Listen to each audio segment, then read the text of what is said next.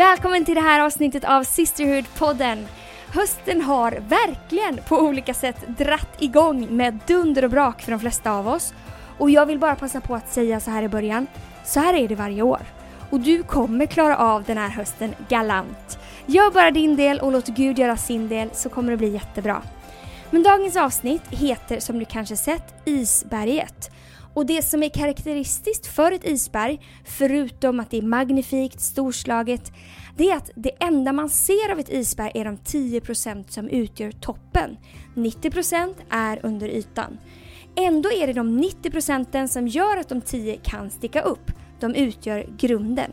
Så idag samtalar jag tillsammans med Jennifer Palm, Vanessa Moreno och Mikaela Blåberg om de 90 procenten. Det som kanske inte är så glamoröst, men o oh så viktigt. Och i en tid där människor mer än någonsin vill skylta och skryta med sina 10% tycker vi att det här är ett viktigt perspektiv och viktigt samtal.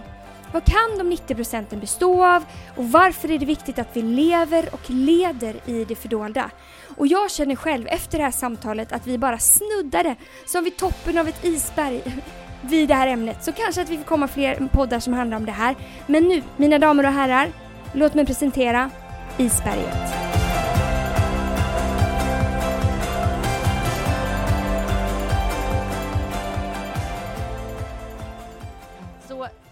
toppen av ett isberg, det, det som vi ser, det som är synligt för ögat, är ju 10%. Eh, och i vårt liv, i en ledares liv, eh, så kan ju det vara liksom, uppmärksamhet, framgång, frukten i det vi gör. Kanske det vi lägger upp på Instagram, det andra människor hyllar oss för. Men vi ska som sagt prata om de här 90 procenten. Och vad består de här 90 procenten av, skulle ni säga? Vad är grunden, 90 procent, det fördolda i våra liv? Blod, svett och tårar. Ja. ja, jag, jag fyller i då. Blod, svett, tårar. Eh, livet med Gud. Disciplin. Jag skulle säga ibland ensamhet kanske. En ensam plats. Och eh, även uppoffringar. Ja, verkligen. Ja, och jag tänker också att de här 90 procenten består så sjukt mycket av beslut, av karaktär, av liksom vanor som man bygger upp, eh, som man inte ruckar på, alltså vecka efter vecka, år efter år. Att eh, Eh, det som syns, liksom, de här 10 procenten, bygger på beslut som man har tagit för flera år sedan, som man bara inte tummat på. Eh, och där är det verkligen så här, ibland kan man tänka, men vad, vad, spelar det för roll? Ingen kommer se, ingen kommer märka, ingen vet om. För att det är i det fördolda. Mm. Men att just hålla de här eh, de besluten och de standarder man har satt för sig själv, eh, att det är det som bygger karaktär och det är det som bygger de här 90 procenten av det som är under ytan.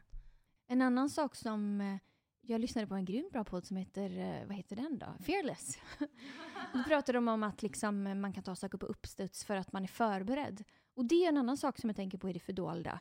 Uh, inte bara livet med Gud utan även det man gör för att förbereda sig. Um, när, så, vi nämnde liksom disciplin och uh, struktur i livet och det är väldigt lätt att se när man tittar på en person, ah, det verkar så lätt för dig jämt och du mm. har alltid så inga problem och du, du är alltid på gott humör och du verkar inte ha några problem i livet. Men de 10 procenten kanske snarare beror på att jag har kämpat den här kampen de här, i de här 90 procenten. Mm. Verkligen. Och jag tänkte på det just så här, framförallt när man, eller ja, det kan man ju kämpa med fortfarande, men när man var yngre så tycker jag i alla fall att man tittade också på andra och tänkte så här, wow, tänk det där livet, eller den ledaren, den lyckas med det här och här. Men man såg ju aldrig allt slit bakom. Mm. Och det känns också ganska typiskt för vår generation egentligen. Att så här, man jämför sig, man ser de här bra grejerna men man är inte värd att betala prislappen. Och man vill inte lägga ner efforten och kostnaden i vad det faktiskt innebär att göra det. Um, och det, jag tänker lite så här, jag, jag, vet inte om Andreas som sa det, eller så här, men att just när man till exempel plattform och predikan, att så här, 10% kanske syns på en plattform, men 90% är ju förberedelsen och det som sker innan. Men man tittar ju på de 10% och tänker så det där vill jag ha. Mm. Eh. Sant. Det är superbra. Och jag tror att, det, eh, men om man också kollar på liksom, eh, de som har kört OS nu, att de kör liksom ett OS, kanske ska kasta någonting i några minuter eller springa ett lopp, men de har förberett år efter år efter år. Och att hade de inte gjort den här förberedelsen dag efter dag i träningshallen, när ingen har sett, ingen har hejat på dem, då hade de inte stått där i OS heller. Men det enda vi ser på TV, det är de liksom sista tre minuterna som de ska, eh, som de ska prestera. Mm. Och att, eh... Diskuskillarna. Ja. Såg du dem eller? Nej, jag kollar inte på dem. Jag Swedish på, Vikings. ja, jag kollar på eh, stavhoppet. Det var ju häftigt. Ja men det är också en disk, en typisk grej, man, år efter år. Mm. Då är det lite, om vi ska prata lite sport här då. Ja, just det, nu kommer det här. Jag hört Damlaget. jag har hört att det är en framgång i vissa ledare. ja, vi spelar om fotboll får man ändå spela match lite oftare. Mm. Men vissa grejer, undrar varför det är så? Vissa personer mm, lever större delen av sitt liv i det fördolda. Men när vi pratade innan den här podden så pratade vi om att Jesus, han levde ju 90% av sitt liv i det fördolda här Precis. på jorden. Är matten rätt då? Ja, 30 år i det fördolda och det står nästan ingenting. nej. Otroligt intressant. Ja, och sen liksom tre aktiva år i slutet. Men att de eh, aktiva åren liksom på jorden byggde på något sätt på förberedelserna han hade gjort innan. Eh, och att det är ju, eh, jag vet inte, så här, what would Jesus do? Såna armband man har, WWJD. Eller så, ah, jag vill bli mer lik Jesus. Då tänker vi på de här tre sista åren. Men i det så är det liksom 30 förberedelseår eh, där han var liksom inte känd, ingen, liksom, folket följde honom inte, utan att han var liksom en förberedelseperiod. Och att eh, ja, så kan det se ut i vårt liv nu, att vi känner att vi är liksom bara förberedelseperiod, ingenting händer i vårt liv, eller det finns områden i vårt liv som vi inte känner blomstrar än, men att det kan vara eh, att den tiden är inte eh, bortkastad tid, utan den tiden är värdefull tid. Eh, och om man tänker som ett fruktträd, att det måste få ta några år innan den bär frukt, men den tiden är inte bort, bortkastad tid. För när väl frukten kommer så, så bygger den på alla åren som, som trädet har fått växa till sig. Nej, men det är bra. Och jag tänkte på det, Elina, för dig Andreas. Det är ju många av eh, oss som lyssnar och här som liksom ser kanske de 10 procenten av ert liv. Det som syns på, eh, på sociala medier eller på, i kyrkan, på scenen. Eh, men att vi inte kanske har inblick i de här 90 procenten av livet. Hur, hur är det för er? Och, och att man kanske blir dömd av de här 10 procenten, men att inte människor ser de uppoffringar ni gör, de eh, valen ni har tagit, de kamperna ni har som är under ytan eh, som aldrig kommer fram. Ja, men först, först och främst tror jag att vår resa började ganska mycket att jag kände att jag var 100% under ytan, eller för 99. Just där att vi har fått barn och så, i sam, samtidigt som vi startade kyrkan och samtidigt som jag blev pastor och allt det här. Så att då kändes det ju väldigt orättvist. Då. Jag kämpade en hel del med det, att folk inte såg vad jag gjorde, folk inte förstod att jag var involverad, folk inte förstod att jag eh, inte bara var en fru liksom där då, även om det är fint. Ehm, så det, men det tror jag var bra för mig. Och det är väl kanske bra, vet inte om har pratat om det i någon tidigare podd, men det här mammakrisen, liksom man går in och man hamnar i, det fördolda. Det är ju på ett sätt bra för en, för det är där man har chansen att bygga någonting där ingen annan ser. Vad bygger jag då? Bygger jag någonting som Gud ser att det här kan jag upphöja och det här kan jag eh, hjälpa andra med, eller inte? Men eh, för din, man kommer till din fråga då. Det som kan vara svårt är lite det jag var inne på. ehm, är att ibland är det svårt att veta vad man ska dela med vem. Mm. För man behöver ha vishet i det och man kan inte leva helt... Alltså man kan vara ärlig och transparent men som sagt, man kan inte vara helt transparent för att kanske den man leder inte klarar av det. Mm. Inte liksom att jag har några mörka hemligheter men snarare att den personen inte klarar av det ehm, den pressen eller vad det nu kan vara. Det, man är inte där i mognaden, precis som jag inte har berättat för mina femåriga barn om, liksom, om vi har haft ekonomiska utmaningar. Så, så, så det är ju liksom att man inte delar allt, men samtidigt måste man kunna dela saker med någon. Men det jag har fått öva mig är ju bara att ha en sån otroligt ständig konversation med Gud. Mm. Och det här glömmer jag ju bort lite då och då, men ha en tydlig konversation med Gud. Okej, hej. Det här tycker jag är kämpigt nu. Jag vet inte hur jag ska kunna ta det här framåt. Jag vet inte hur jag ska kunna dela det här med någon för att, eh, för att de förstår inte. För att de, jag leder alla här. Mm. Och de är inte riktigt där jag är. Ehm, så det, jag har nog behövt, det känns som att det blir ett väldigt, väldigt långt svar här. Men jag har nog behövt vara okej med att det finns ett mått av ensamhet. Mm. Att inte söka det, men att vara okej med det. Ehm, alltså det här är fördolda, att jag behöver hantera saker själv med Gud. Mm. Ja, och att det, men på tal om det fördolda, att det här med ensamhet, ensamtid med Gud, det är ju verkligen någonting som kan hända i det fördolda eh, och som bygger vår karaktär och bygger vilka vi är i de här 10 procenten. Eh, och jag kan tänka mig att många som sitter och lyssnar kan tänka så här, okay, men hur, hur gör man? Hur får man den tid i fördolda, the secret place? Eh, som man också kan säga, hur hittar man tid med Gud och verkligen söka den här tiden i fördolda, den här ensamtiden? Har ni några tips? Har ni några liksom, idéer, tankar där? Min erfarenhet är också att faktiskt nästan majoriteten av de av kristna kämpar på det här området.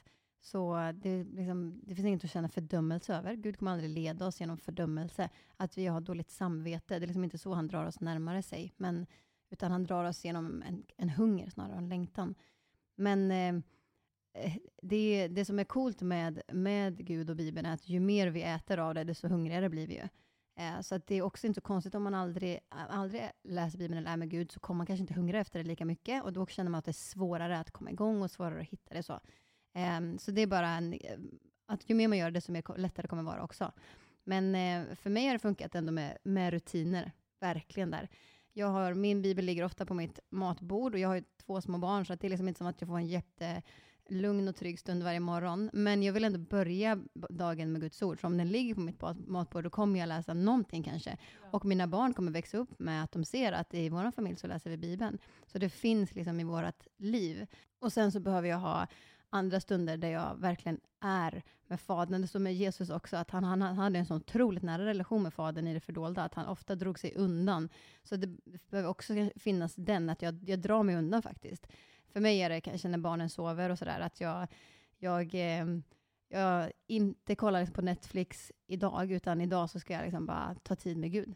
Vi brukar följa lite samma bibelläsningsplaner, Vanessa. Ja, det är på, inte så här, på Uversion. Ja, på Uversion. Det är inte så att vi planerar det, men det smittar liksom av sig. Man ser så här, nu har Vanessa avslutat. Jag får ett mail varje gång du påbörjar. Va? Ja, jag vet inte hur man tar bort den funktionen. varje gång du påbörjar eller avslutar får jag ett mail. Så det är därför jag inspireras att följa samma. Jag har så koll på dina, ditt andliga liv. Jag skojar. Så bara, va? Hur kunde det ta tio dagar att läsa en femdagars Exakt, hon ligger efter två dagar. Jag skojar det är ju faktiskt inspirerande. Man ser ja. vad andra har strukit under och de som är man kompis med. Sådär. Verkligen. Det är jättebra. Och jag tror precis som Mickan sa faktiskt, att, att eh, göra det på ett beslut. Ibland känner man ju bara så åh vad det flödar i min gudsrelation, vad underbart att vara inför Herrens ansikte. Och ibland känner man ju inte alls så, det känns som att äta sand, att öppna mm. Guds ord. Eh, och det betyder ju inte att Gud är frånvarande eh, någonstans, utan han är ju fortfarande lika närvarande. Men, och han längtar ju, alltså han längtar ju efter att umgås med oss. Jag tycker det är en så fin, fin bild, att han längtar efter oss. Men då kanske jag behöver aktivt välja det och ta mig den tiden. Och jag vet inte vem som sa det här, men det var väldigt bra. Att oavsett om jag känner att så här, Åh, det här gudsordet talade rätt in i min ande eller inte, så talar det till min ande varje gång jag öppnar Guds ord. Så det är inte som att det bara kommer att försvinna någonstans fåfängt, utan det händer ju någonting varje gång. Ja, jag hörde en, en pastor också, vi nämner inga namn här, vi citerar, men eh, Grejen är att alla quotes som någon säger har de ändå snott från någon annan. Så lägger man sitt eget namn på under där. Det, det är knepet. Ja, men jag snor det här då. Jag bara fick det här till mig en dag. Mycket. men, som sa så här att jag, jag minns inte riktigt vad jag åt till frukost för två veckor sedan, men jag, minns, jag vet att det byggde mitt liv. Det mm. byggde mm. min kropp. Um, och samma sak med Bibeln. Jag minns kanske inte exakt vad jag läste för en vecka sedan, men jag vet att det byggde mitt liv. Så precis som du är inne på också Vanessa, att jag vet att det här är bra för mig. Så även om jag inte varenda dag kommer ihåg allt och har värsta revelation, så vet jag att det här bygger mitt liv, precis som frukosten jag åt för två veckor sedan. Mm. Jag tycker det är intressant ibland att se, bland annat vi i kyrkans värld och sådär, när man ser på människors liv att de har haft tid med Gud, respektive när de inte haft det ett tag. Man tror kanske att det inte märks, mm. man, man, man märker det på folk. Och det är kanske bara en eftersmak eller en doft, liksom, en känsla. Men, och så inser man inte, men man märker ju när folk har umgåtts med Gud, framförallt över tid. Hur underbart är det inte med gamla gubbar och gummor? Det är mest tanter som lever längre, men det bara märks att de har så haft övertid. Uh, olika olika säsonger, men de, de andas och de, de andas liksom något fräscht. Undra om man... Uh, är man okej okay med att de 90 procenten stannar som de 90 procenten? Eller vill man helst att de 90 procenten ska poppa upp och synas bland de 10? Utifrån liksom att titta här vad fint mitt fördolda är. Jag tror att det beror på vad de 90 procenten består av. Ehm, Om det är något man vill om det skryta är om eller någonting inte. man vill skryta om eller inte. Jag tror att det var någon, Tobias Gard hade någon predikan om det för inte så länge sedan när han pratade om d- ditt fördolda liv kan antingen bygga dig eller typ förgöra dig. Och det var så sjukt bra. För det är verkligen så sant. Att så här, hur mycket tid man lägger på det som ingen annan ser på riktigt. Du kanske aldrig kommer få praise för det, det kanske aldrig kommer komma fram, men det är ju vad som avgör egentligen den lilla pyttebiten som egentligen andra ser. Eh, Verkligen, för det finns, i det fördolda finns det ju, precis som du säger, det som bygger upp oss eller det som förgör oss. Och det som bygger upp oss är kanske sånt som inte behöver ljuset, utan det är bra att det är bara mellan mig och Gud till exempel. Medan det som förgör oss är sånt som behöver ljus, som Mm. behöver, där behöver sanningen sätta oss fria. Där behöver man kanske dela det med någon. För att det går runt, det är en mörk hemlighet som jag bär på, som ingen annan vet. Så att det som är bra, som man vill visa, kanske man inte behöver visa. Det som är inte så bra, som man skäms över, det är mm. kanske det man behöver lyfta. Men tror du inte att det är just de bitarna man inte vill visa, det är ju det som gör att man egentligen faller. För att Mm. man tog inte tag i det innan det väl gick så långt. Framförallt som ledare tänker jag. Jag har ju ibland haft saker i mitt liv som jag bara känner så här, men åh, är det bara jag som känner så här? Du vet, och så vågar man inte prata om det och man vågar inte lyfta det. Och då blir det ju en grej. Istället för att man pratar med någon och den bara, ja men jag har också gått igenom det där. Och då är det inte en lika stor grej. Ja, men det är väl en stor del av nyckeln att hitta rätt person att prata med. Men man vill ju gärna, eller framförallt, jag, jag ser det hos många, att man vill ju visa att man kan och man är en bra ledare och man har inga problem och, jag är, och sådär. Så det är ju en ständig Jag utmaning. känner inte alls igen mig. I Matteus 6 till exempel så står det så här eh, om rätt givande, rätt bön och rätt fasta. Eh, och då så står det att vi ska liksom akta oss för att göra saker för att människor ska se. Att vi ska ge för att människor ska se att vi ger, eh, eller att vi ska be högt så att alla människor hör att vi ber, eller att vi ska fasta och liksom, eh, att det ska synas att vi fastar, utan att vi ska göra det fördolda. Att, att din högra hand ska inte märka vad din vänstra hand gör. Eh, och det här är ett eh, liksom, spännande sätt att, och, och, att vi gör det för Gud och inte för andra människor. Men om man kopplar det här till ledarskap, att vi är ledare, vi vill leda i det vi gör och att vi vill vara exempel i det vi gör. Hur kan man liksom kombinera de här två? Att vi gör det för Gud, men vi vill ändå inspirera andra. Till exempel som eh, med bön. Vi vill inspirera andra och ha tid med Gud. Eller vi vill inspirera andra också fasta eller vara med i givande. Även fast det är en sak som ska ske i det fördolda. Hur tänker ni där? Det är jättebra. Alltså Jesus var ju verkligen allergisk mot liksom, hycklarna. Om det är någonting han trackar på så är det just det. Skriftlärda och hycklare alltihopa. Eh, men det, alltså jag skulle säga, för mig har det alltid handlat om, eller försöker i alla fall påminna mig själv om, så här, vad är mitt motiv? Alltså vad är mitt hjärta bakom varför jag säger det här nu? Är det för att jag själv vill framstå som en kanonledare? Eller är det för att jag faktiskt vill hjälpa den här personen? Eh, och ibland inser jag ju att nej, men jag gör ju det här för att jag vill upphöja mig själv. Ja, så kan det vara ibland. Nu sa jag det. eh, helt ärligt, alltså det man får ta bort från sitt kött. Eh, bekräftelse, liksom, att någon uppmuntrar, alltså att ens egen pastor eller ledare uppmuntrar en. Så här, jag tror att alla kan falla i den fallgropen. Liksom. Eh, och där måste man ju bara aktivt hela tiden gå med sitt eget hjärta och bara säga, men varför gör jag det här? Gör jag det här för mig själv eller gör jag det här för att jag genuint bryr mig om de jag leder eller de jag har runt mig? Eh, och det kan ju vara lättare eller svårare i vissa perioder. Framförallt kanske svårare när man känner att man inte blir sedd, som du sa Lina. När man känner att det inte är, man kanske inte är i sin A-game, utan man kanske är lite fast i att Gud formar en i det fördolda. Eh, jag tror nästan för min del att sen när man väl formas i det fördolda, det är nästan då den brottningskampen är som störst. För det är då man på något sätt vill trycka fram det i det synliga, fast det händer inte naturligt. Liksom. Eh, utan man typ överkompenserar för någonting som egentligen är i formandets stadie. Jag vet inte om det makes sense. Jo, verkligen. Alltså, vi jag kan se om jag säger någonting jag ångrar här, men jag tror inte... Jag tänker också på sociala medier. Jag tror inte att Jesus hade lagt upp en bild på sig själv när han var när han predikade eller var inför Gud och sa... Ja, jag vet inte vad vad, vad caption är. Men ibland så upplever jag att det finns en... Det är väldigt tydligt på sociala medier att man vill visa hur andlig man är eller vilken bra ledare man är eller ett, ta en bild på dig själv när du böjer knä liksom, och säger åh vad jag älskar Jesus. Jag vet inte om det hjälper någon. Nu sa jag det. Ja, men jag blir tokig faktiskt. Nej, Mm. men, så det, man måste ju, man, kan, man måste verkligen rannsaka sig själv. För jag tror att det är så lätt att man hamnar där. 100%. Alla vill verka andliga, alla vill verka bra, alla vill verka framgångsrika, alla vill ta ett bild på sig själv med en mikrofon när man väl får mikrofonen. Det är, om det är motivet, då eh, behöver man eh, försöka hantera det och göra någonting åt det.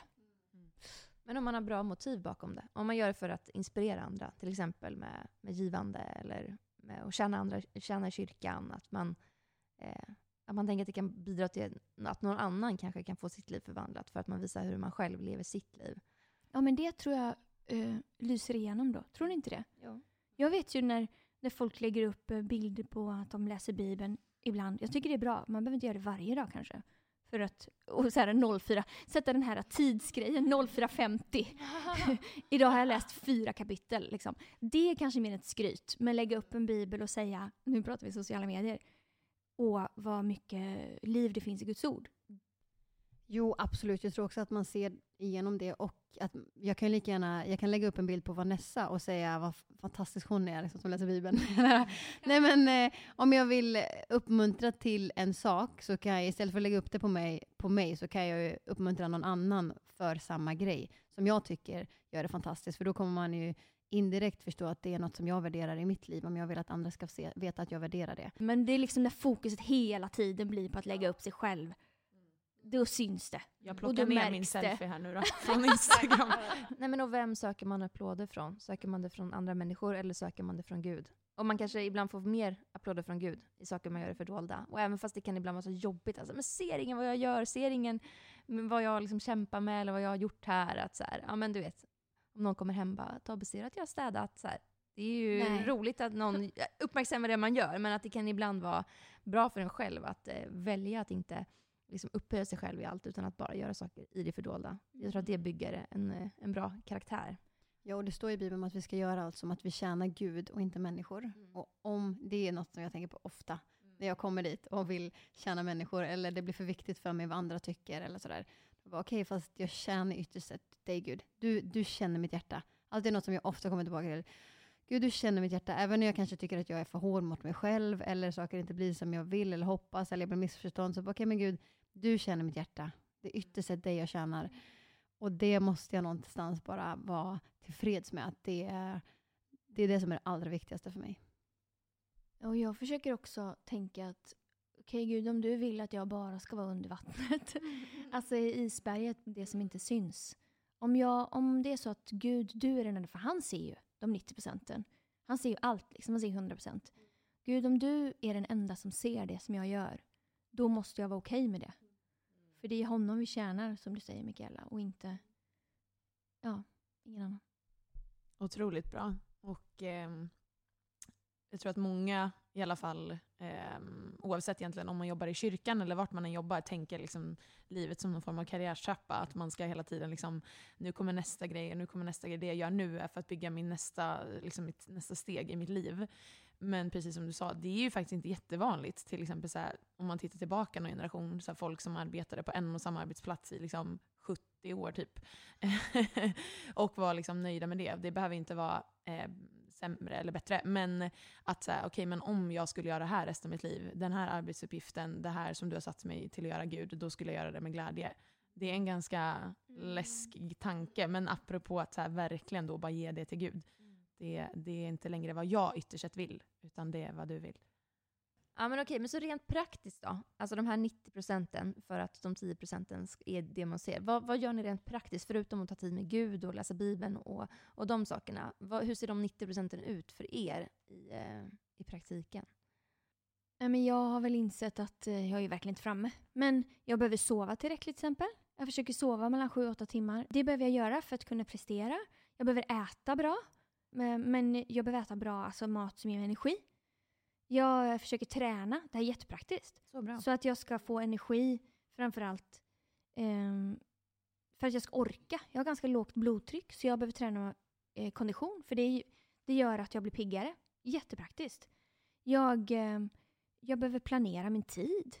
Kan det vara en sån grej? Mm, Jag verkligen. planerar min tid så här. Den här veckan är det här mina tre viktigaste mål. Kanske en egen podd, vad vet jag. planerar, tittar i min kalender, förbereder mig så att jag kan prestera när jag behöver. Ja, men jag, jag tänker ibland på att vi är ju ande, kropp och själ. Och alla de tre behöver ju vara i gott skick om jag ska kunna leva det här livet. Så förberedelsetiden och de här 90 procenten är ju att hålla alla de här tre eh, hälsosamma. Min ande är ju det, min relation med Gud framför allt. Min själ är ju liksom det, vad, vad, fyller jag mig själv med? Och hur, eh, eh både, även om jag, min kropp är ju, om jag sover lite, om jag, hur jag äter, hur jag tränar, men de grejerna påverkar även min själ, för att jag kommer, jag kommer vara mycket mer känslosam och sådär om jag inte äter, om jag inte sover och om jag bara liksom läser skvallerblaskor, mm. som det heter. så alla de tre behöver jag se till att hålla fräsch. Och det är ju ytterst sett eh, inte sånt som, som andra kanske ser hur och när och vad jag gör, utan det är liksom det, mm, de 90 procenten där jag får för mig, för mig hjälper det faktiskt att identifiera, så här, okay, men jag känner nu, det här är liksom bara själen, att jag är trött, jag är trött i min själ. Liksom. Det är inte min gudsrelation som är på en dålig plats, utan jag behöver typ äta choklad, göra sånt som jag tycker är bra, hänga, umgås med vänner, träna och sånt, för då kommer min själ också må bättre. Men min ande är ändå min ande är på en bra plats, nu är det bara själen som behöver lite påfyllning här. Och så mm. Ja, och inte det snarare små saker, i alla fall för mitt liv, att det är små vanor. Mm. Att det man fyller sig själv med, det är det som kommer ut. Um. Det kan ju vara de små sakerna, men jag tänker också att det kan vara stora saker. Alltså typ synd till exempel, alltså som kan vara under ytan som är det fördolda. Att där ha, har att göra med disciplin, med vanor, att man ser till att man inte eh, hamnar i vissa situationer eller att man lyssnar på fel röster eller att man är i fel sammanhang. Att där kan också vara så små dagliga vanor som man bestämmer sig för som gör att man inte, eh, ja, att, man, att de här 90 procenten hålls fräscha. Ja, jag tänkte precis säga det också. Så om det är något som man tänker på just nu, som är okay, det här är något som är dolt, det här kanske är synd i mitt liv, eller sånt som, jag, som man tänker på just nu när vi pratar om sånt som är för fördolda, så behöver vi faktiskt ta tag i det. Det kommer hålla oss tillbaka. Mm. Det kommer göra att vi kanske inte får full frihet på vissa områden, för att vi bär på saker som, som verkligen liksom håller oss som ett band, liksom, som bara behöver klippas loss. Och göra vad vi behöver göra för att eh, eh, gå vidare från det. Amen på det. Och jag har också ibland behövt städa lite bland mina 90 procent. Även nyligen liksom. Om det är saker som man behöver prata med. Jag, har fått, jag tog tag, pratade med en psykolog vid ett tillfälle. Som var, för som sagt vi pratade om det här, det är inte alltid lätt att veta vem man ska prata med. Då, men man kan ju söka sig till sådana tillfällen eller till sådana platser. Den här personen kan jag prata med, jag behöver ta itu med det här. Jag känner en sorg över det här eller jag känner en oförlåtelse eller en oro eller vad det än är. Och så städar man upp det och sen så blir det rent och fint och sen så kan man... Um, ja, allt, det blir, de här 90 procenten blir i bättre skick. Mm. Alltså jag tycker att vi kan sammanfatta med att Jesus levde 33 år på jorden och vi, det enda vi vet är tre av dem. Och Det är på något sätt eh, en så otrolig bild för hur vi borde leva våra liv också. Att mm. det, det som syns och märks är en, ganska, en otroligt liten del av eh, vad livet faktiskt är. Mm. Och det behöver vi vara okej okay med. Och vi behöver veta om att vi tjänar Gud och inte människor. Och han ser, han vet, han bekräftar. Och eh, det är för hans ära. Och de 90 procenten är viktigare än de 10. Det är en mycket större del. Allt som göms i snö kommer upp i tö. mm. Ja, det var en bra sammanfattning. Så nu ska jag gå och läsa Bibeln och fastan här när vi går härifrån. Jag ska lägga upp en bild här på mig när jag fastar här. Vänta, jag glömde ja. nämna att jag har läst fyra kapitel i Bibeln idag här. Och Klockan fyra på morgonen. Men Lina, det står bara ett i din bibelplan. jag fick mejl om den i Tack för idag.